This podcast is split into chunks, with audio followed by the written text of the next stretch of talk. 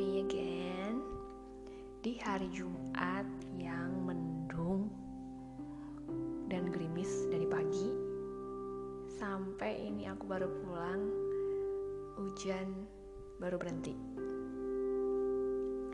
Wuff, ngeri banget sih takut keulang lagi itu banjir.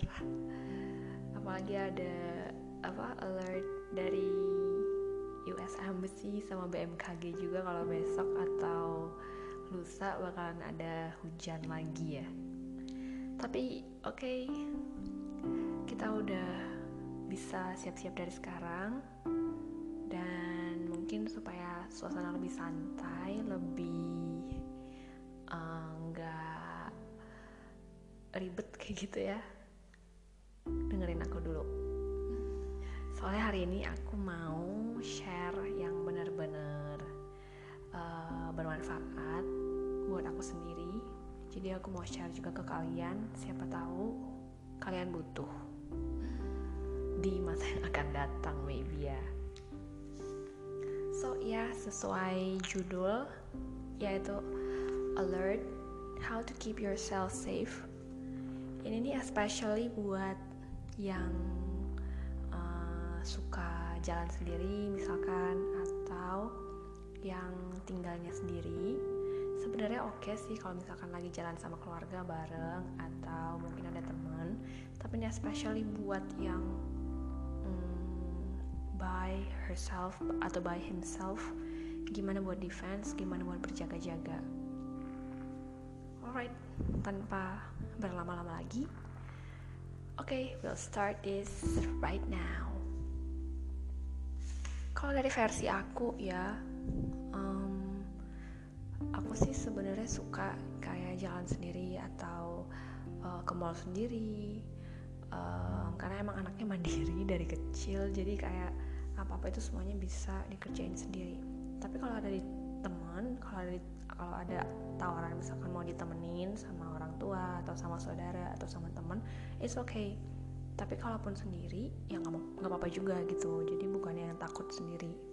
Jadi udah terbiasa buat ngapa-ngapain sendiri dan uh, so far cukup hmm, I can say I can uh, depend on myself. Jadi kayak nggak takut gitu kalau harus sendiri. Nah berbekal pengalaman itu aku mau share buat kamu yang mungkin sekarang lagi uh, struggling buat kayak um, mikir gimana ya supaya bisa lebih pede atau lebih berani kalau lagi sendiri gitu nggak apa-apa kan kayak aku bilang dari di awal tadi ditemenin nggak apa-apa. Tapi pada saat di titik tertentu di mana kamu harus sendiri dan kamu bingung nah ini yang aku mau share sekarang. Oke okay, yang pertama it's always seperti yang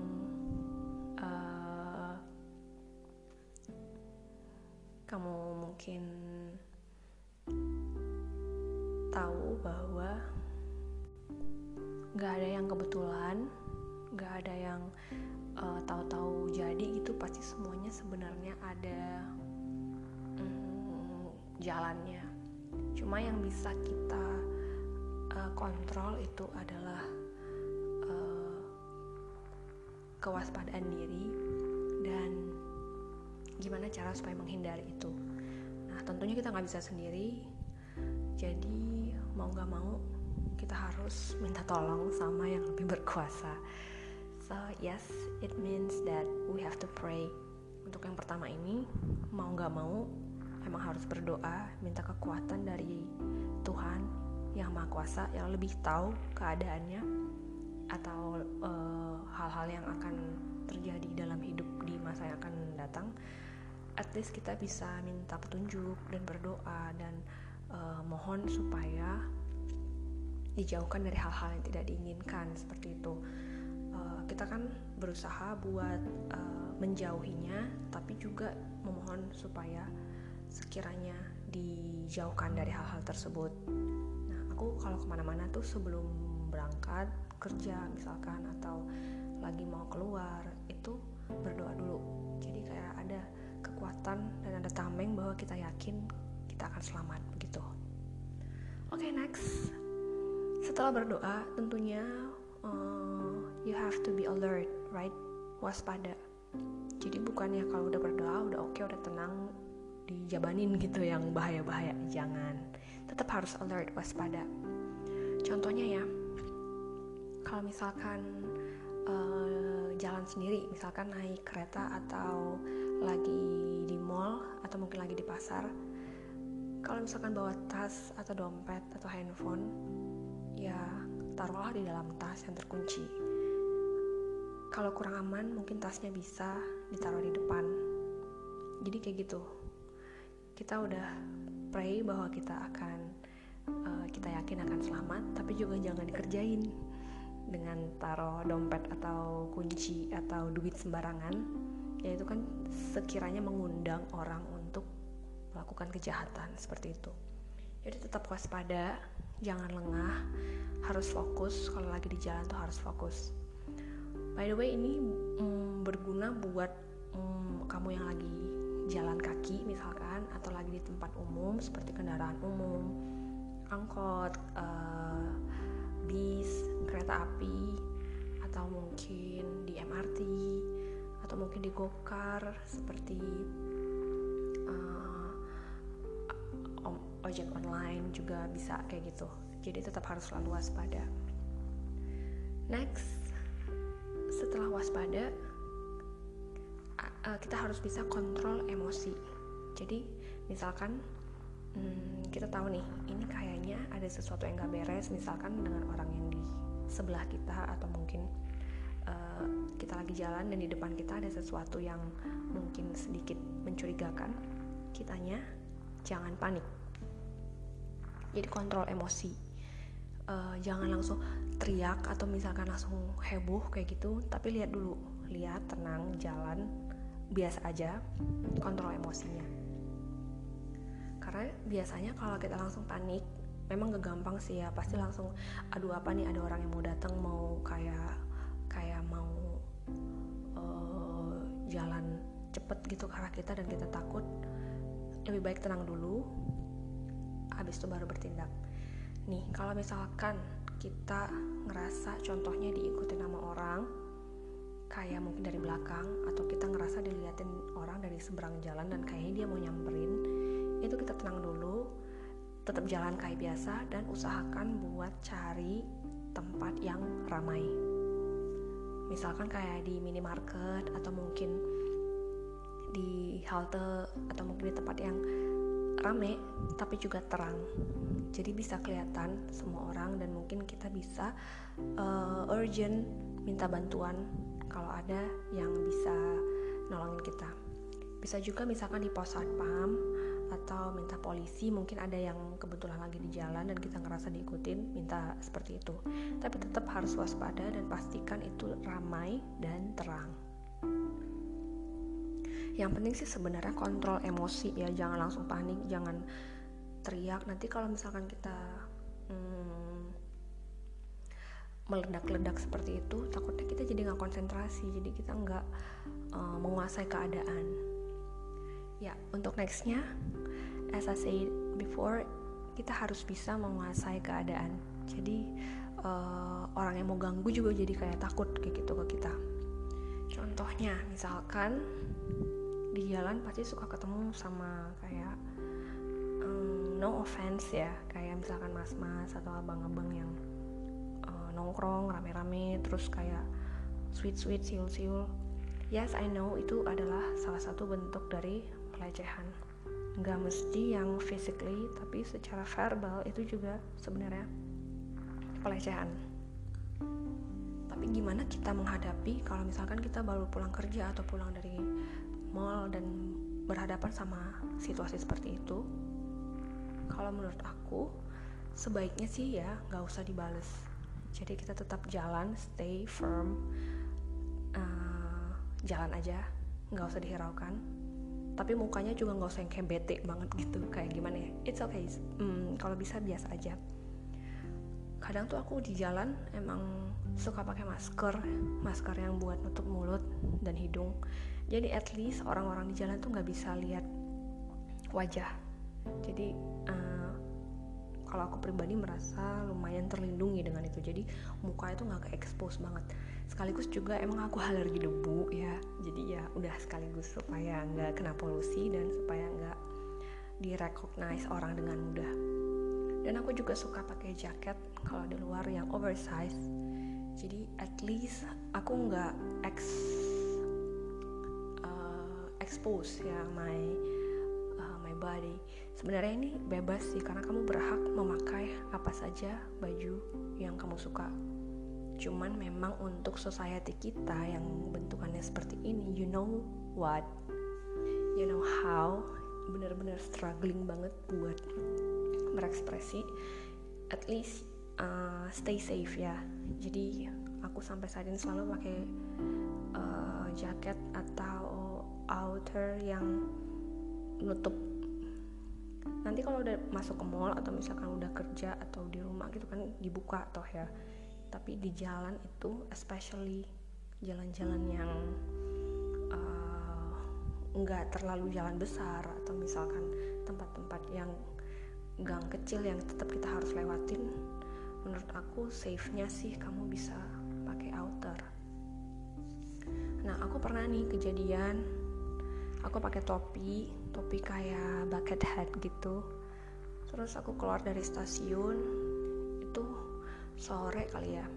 Terus ada segerombolan mas-mas abang-abang kayak gitu. Terus kayak sweet-sweet terus bilang wah uh, topinya bagus ya kak. Topinya bagus ya mbak kayak gitu.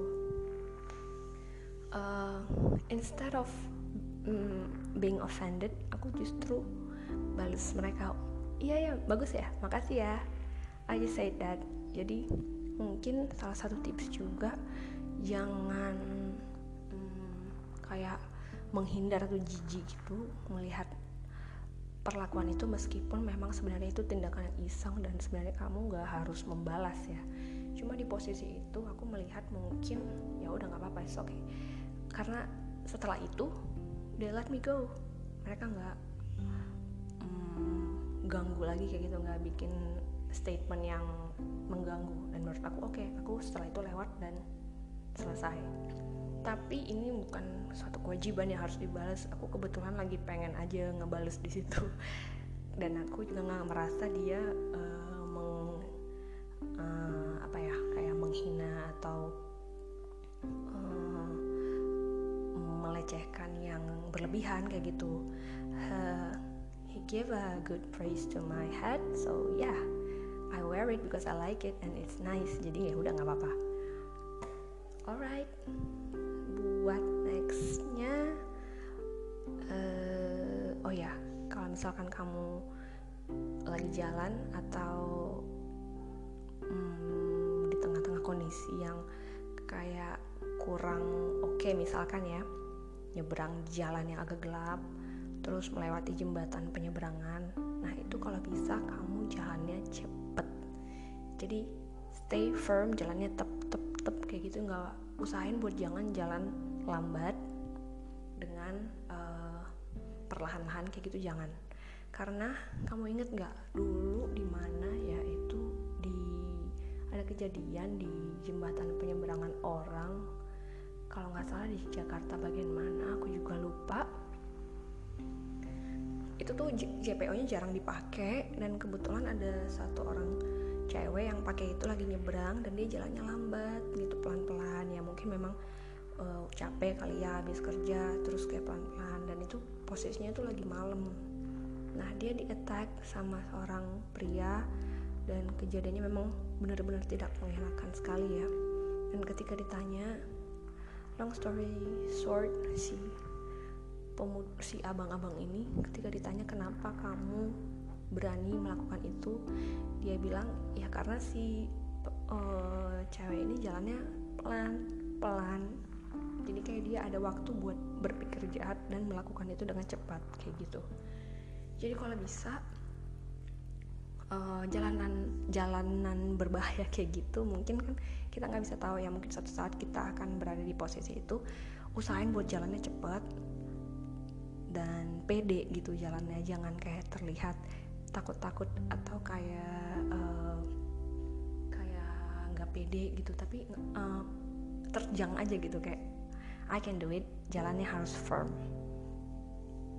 Karena kalau misalkan kita jalannya lambat bener sih itu bisa bikin orang kayak merasa wah bisa nih gue kesempatan nih ada buat uh, melakukan hal yang jahat kayak gitu. Tapi kalau cepet ya at least dia merasa terintimidasi dan ngerasa uh, kayak susah juga gak sih kalau orang jalannya cepet terus kayak mau di uh, attack kayak gitu ya? I don't know but at least we tried right? Terus berikutnya ini nih yang dari zaman dahulu kala orang tua udah bilang especially buat anak cewek hindari keluar malam hari. Oke okay. I don't wanna be sexist on this karena pasti kita ngerasa nggak adil kan. Kenapa emang cowok bisa keluar malam sementara cewek nggak bisa? Kayak apa bedanya? Toh kita juga berhak buat fun buat having fun buat meeting friends. Tapi menurut aku memang society ini seperti itu.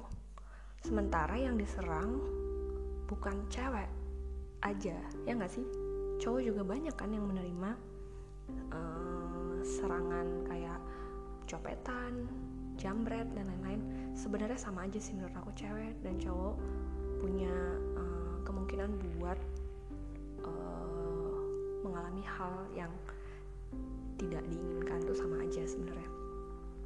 Cuman especially ya di Indo entah kenapa si orang-orang jahat ini kayak ngerasa bahwa cewek lebih gampang buat diperdaya gitu kayak lebih bisa nih gitu sementara kalau cowok hmm, gimana ya ntar dulu kayak gitu kali ya. Padahal sebenarnya cowok juga sering di uh, jahatin sering di hmm, menerima perlakuan yang sama juga. Cuman sebagai orang yang tinggal di negara ini di society ini ya I know we have to be more be more careful. Especially memang buat kita yang cewek. Karena satu at least si cowok-cowok ini walaupun mungkin apes juga cuman dia memiliki tenaga yang lebih besar ya buat kayak ngelawan. Sementara cewek cenderung buat kayak langsung takut langsung hmm, panik. Dan itu tuh sebenarnya kesempatan buat orang jahat buat semakin uh, ngasih tahu kalau dia tuh lebih berkuasa seperti itu. Dan memang malam karena mungkin tidak terang gak jelas jadi kayak blur. Jadi mungkin itu adalah waktu yang tepat buat si orang-orang jahat ini buat menyerang.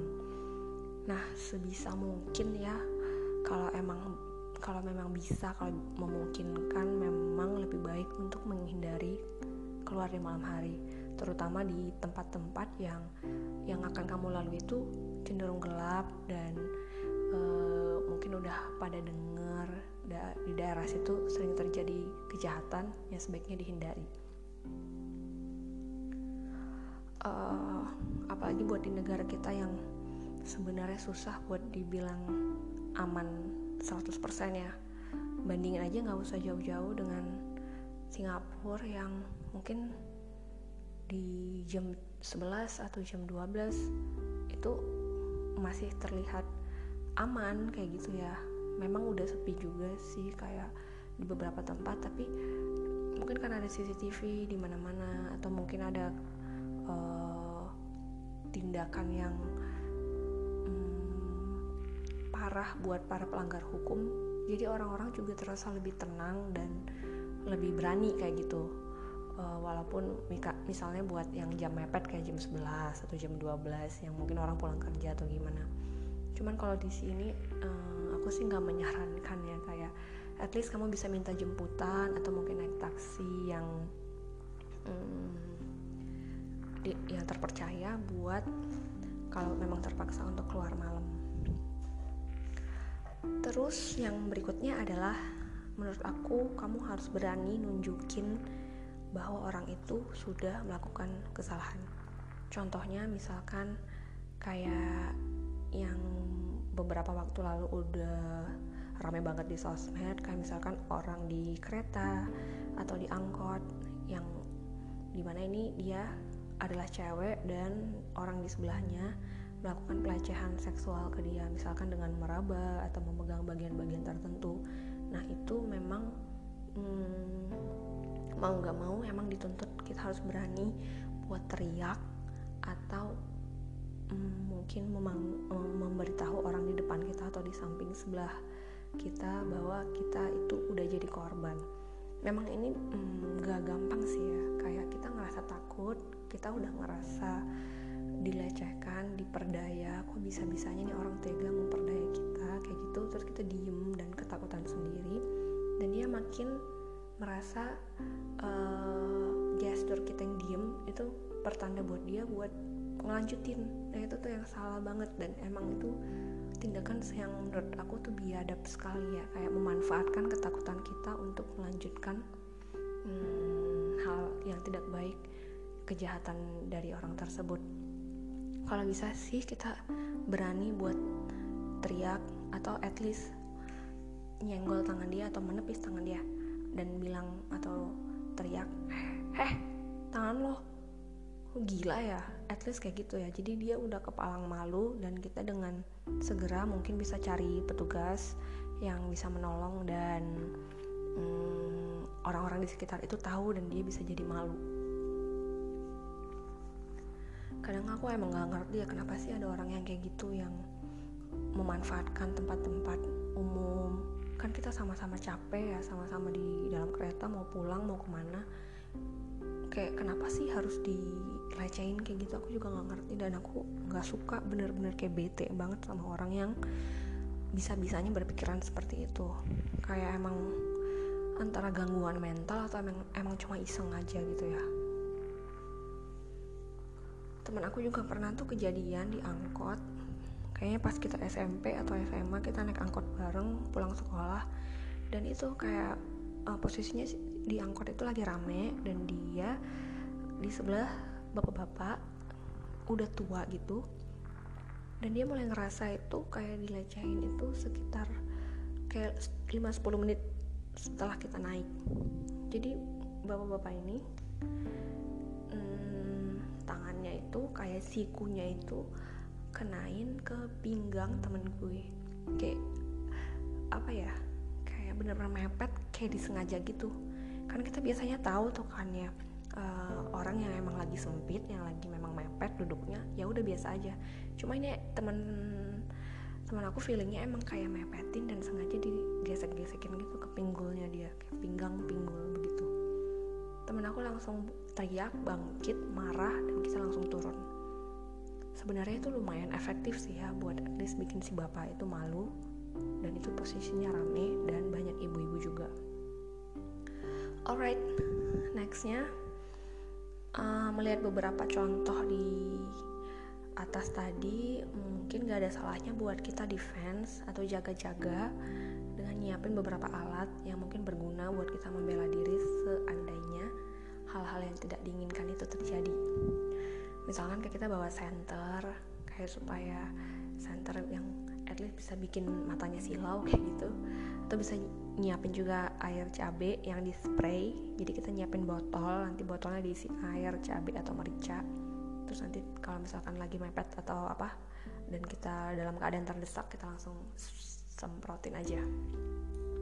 Terus bisa juga bot mm, botol minum botol minum misalkan yang dari bahan stainless atau yang plastik tapi yang ada isi airnya itu bisa kayak buat defense.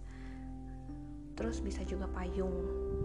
Payung kan lumayan uh, ringan tapi dia ada uh, material besi dan plastiknya yang lumayan oke okay buat dijadiin alat untuk defense.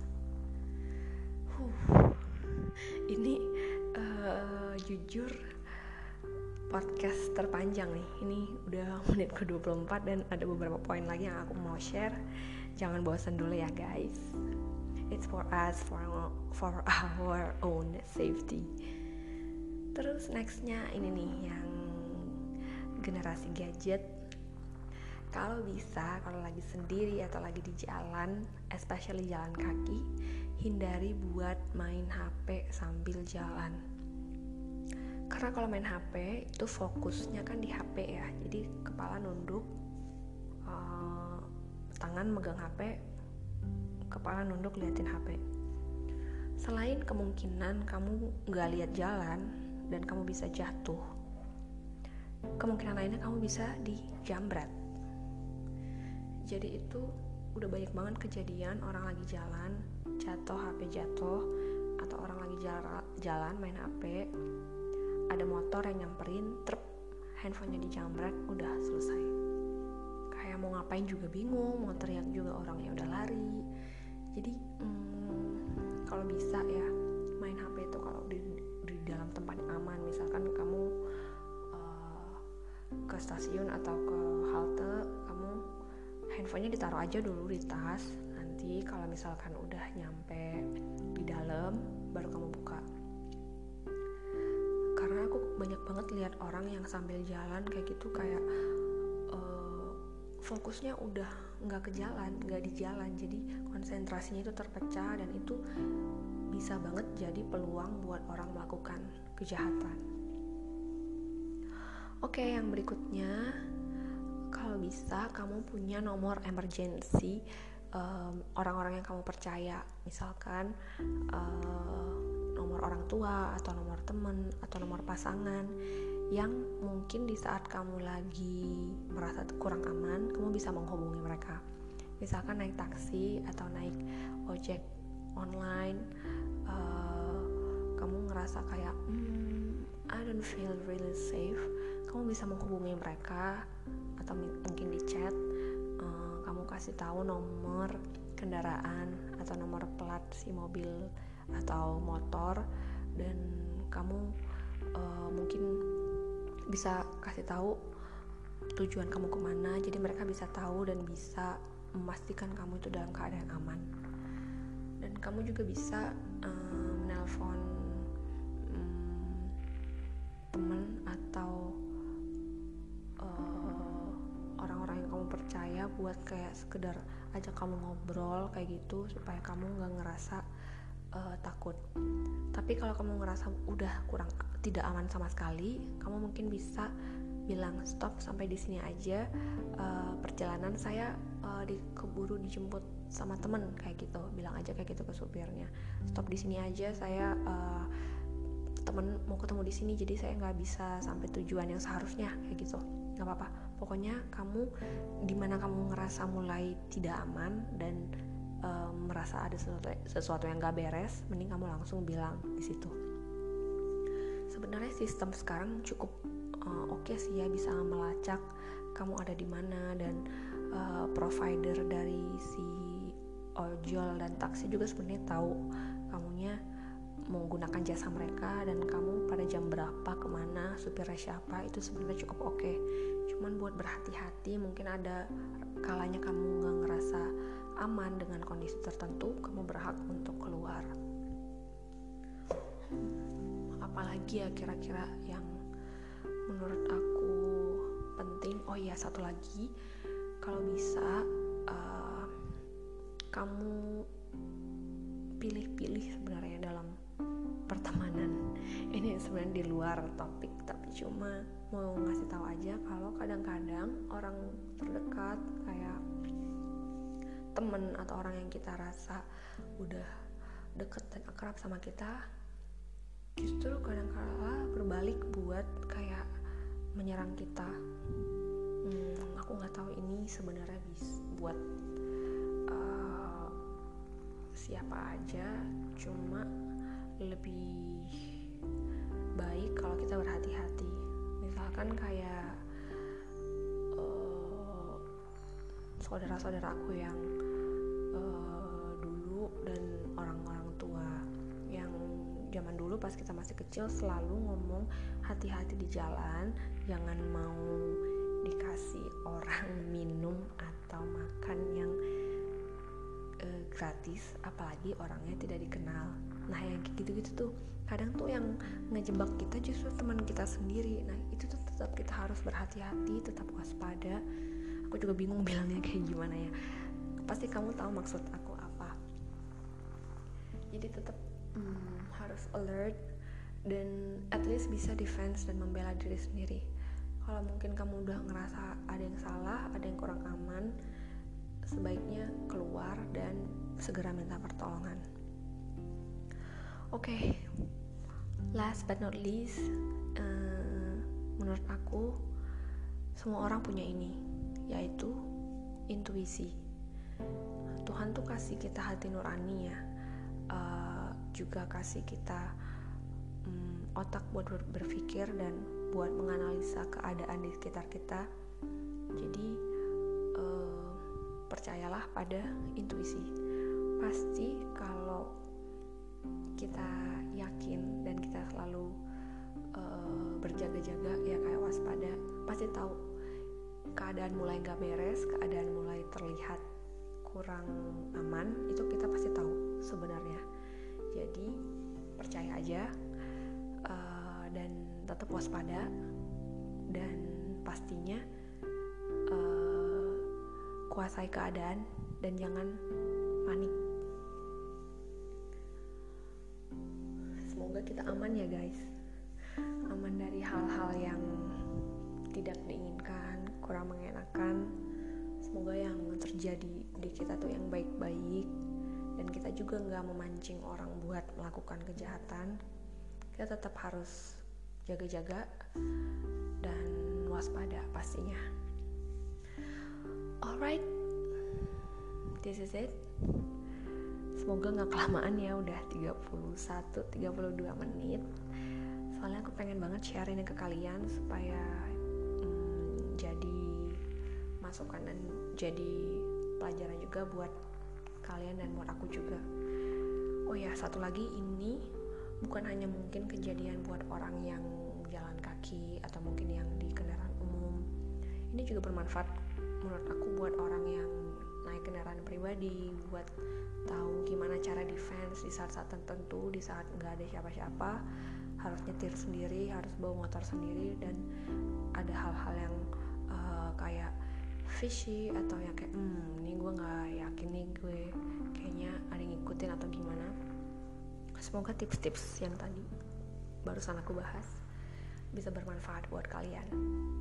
Kalau ada yang lain, ada tambahan tips lain, boleh langsung share di sosial medianya di Instagramnya PW podcast.pw dan kalian bisa share uh, tips trik kalian kalau lagi sendiri dan ngerasa kurang aman. Alright, guys, see you again on the next episode. I'm signing out. Bye.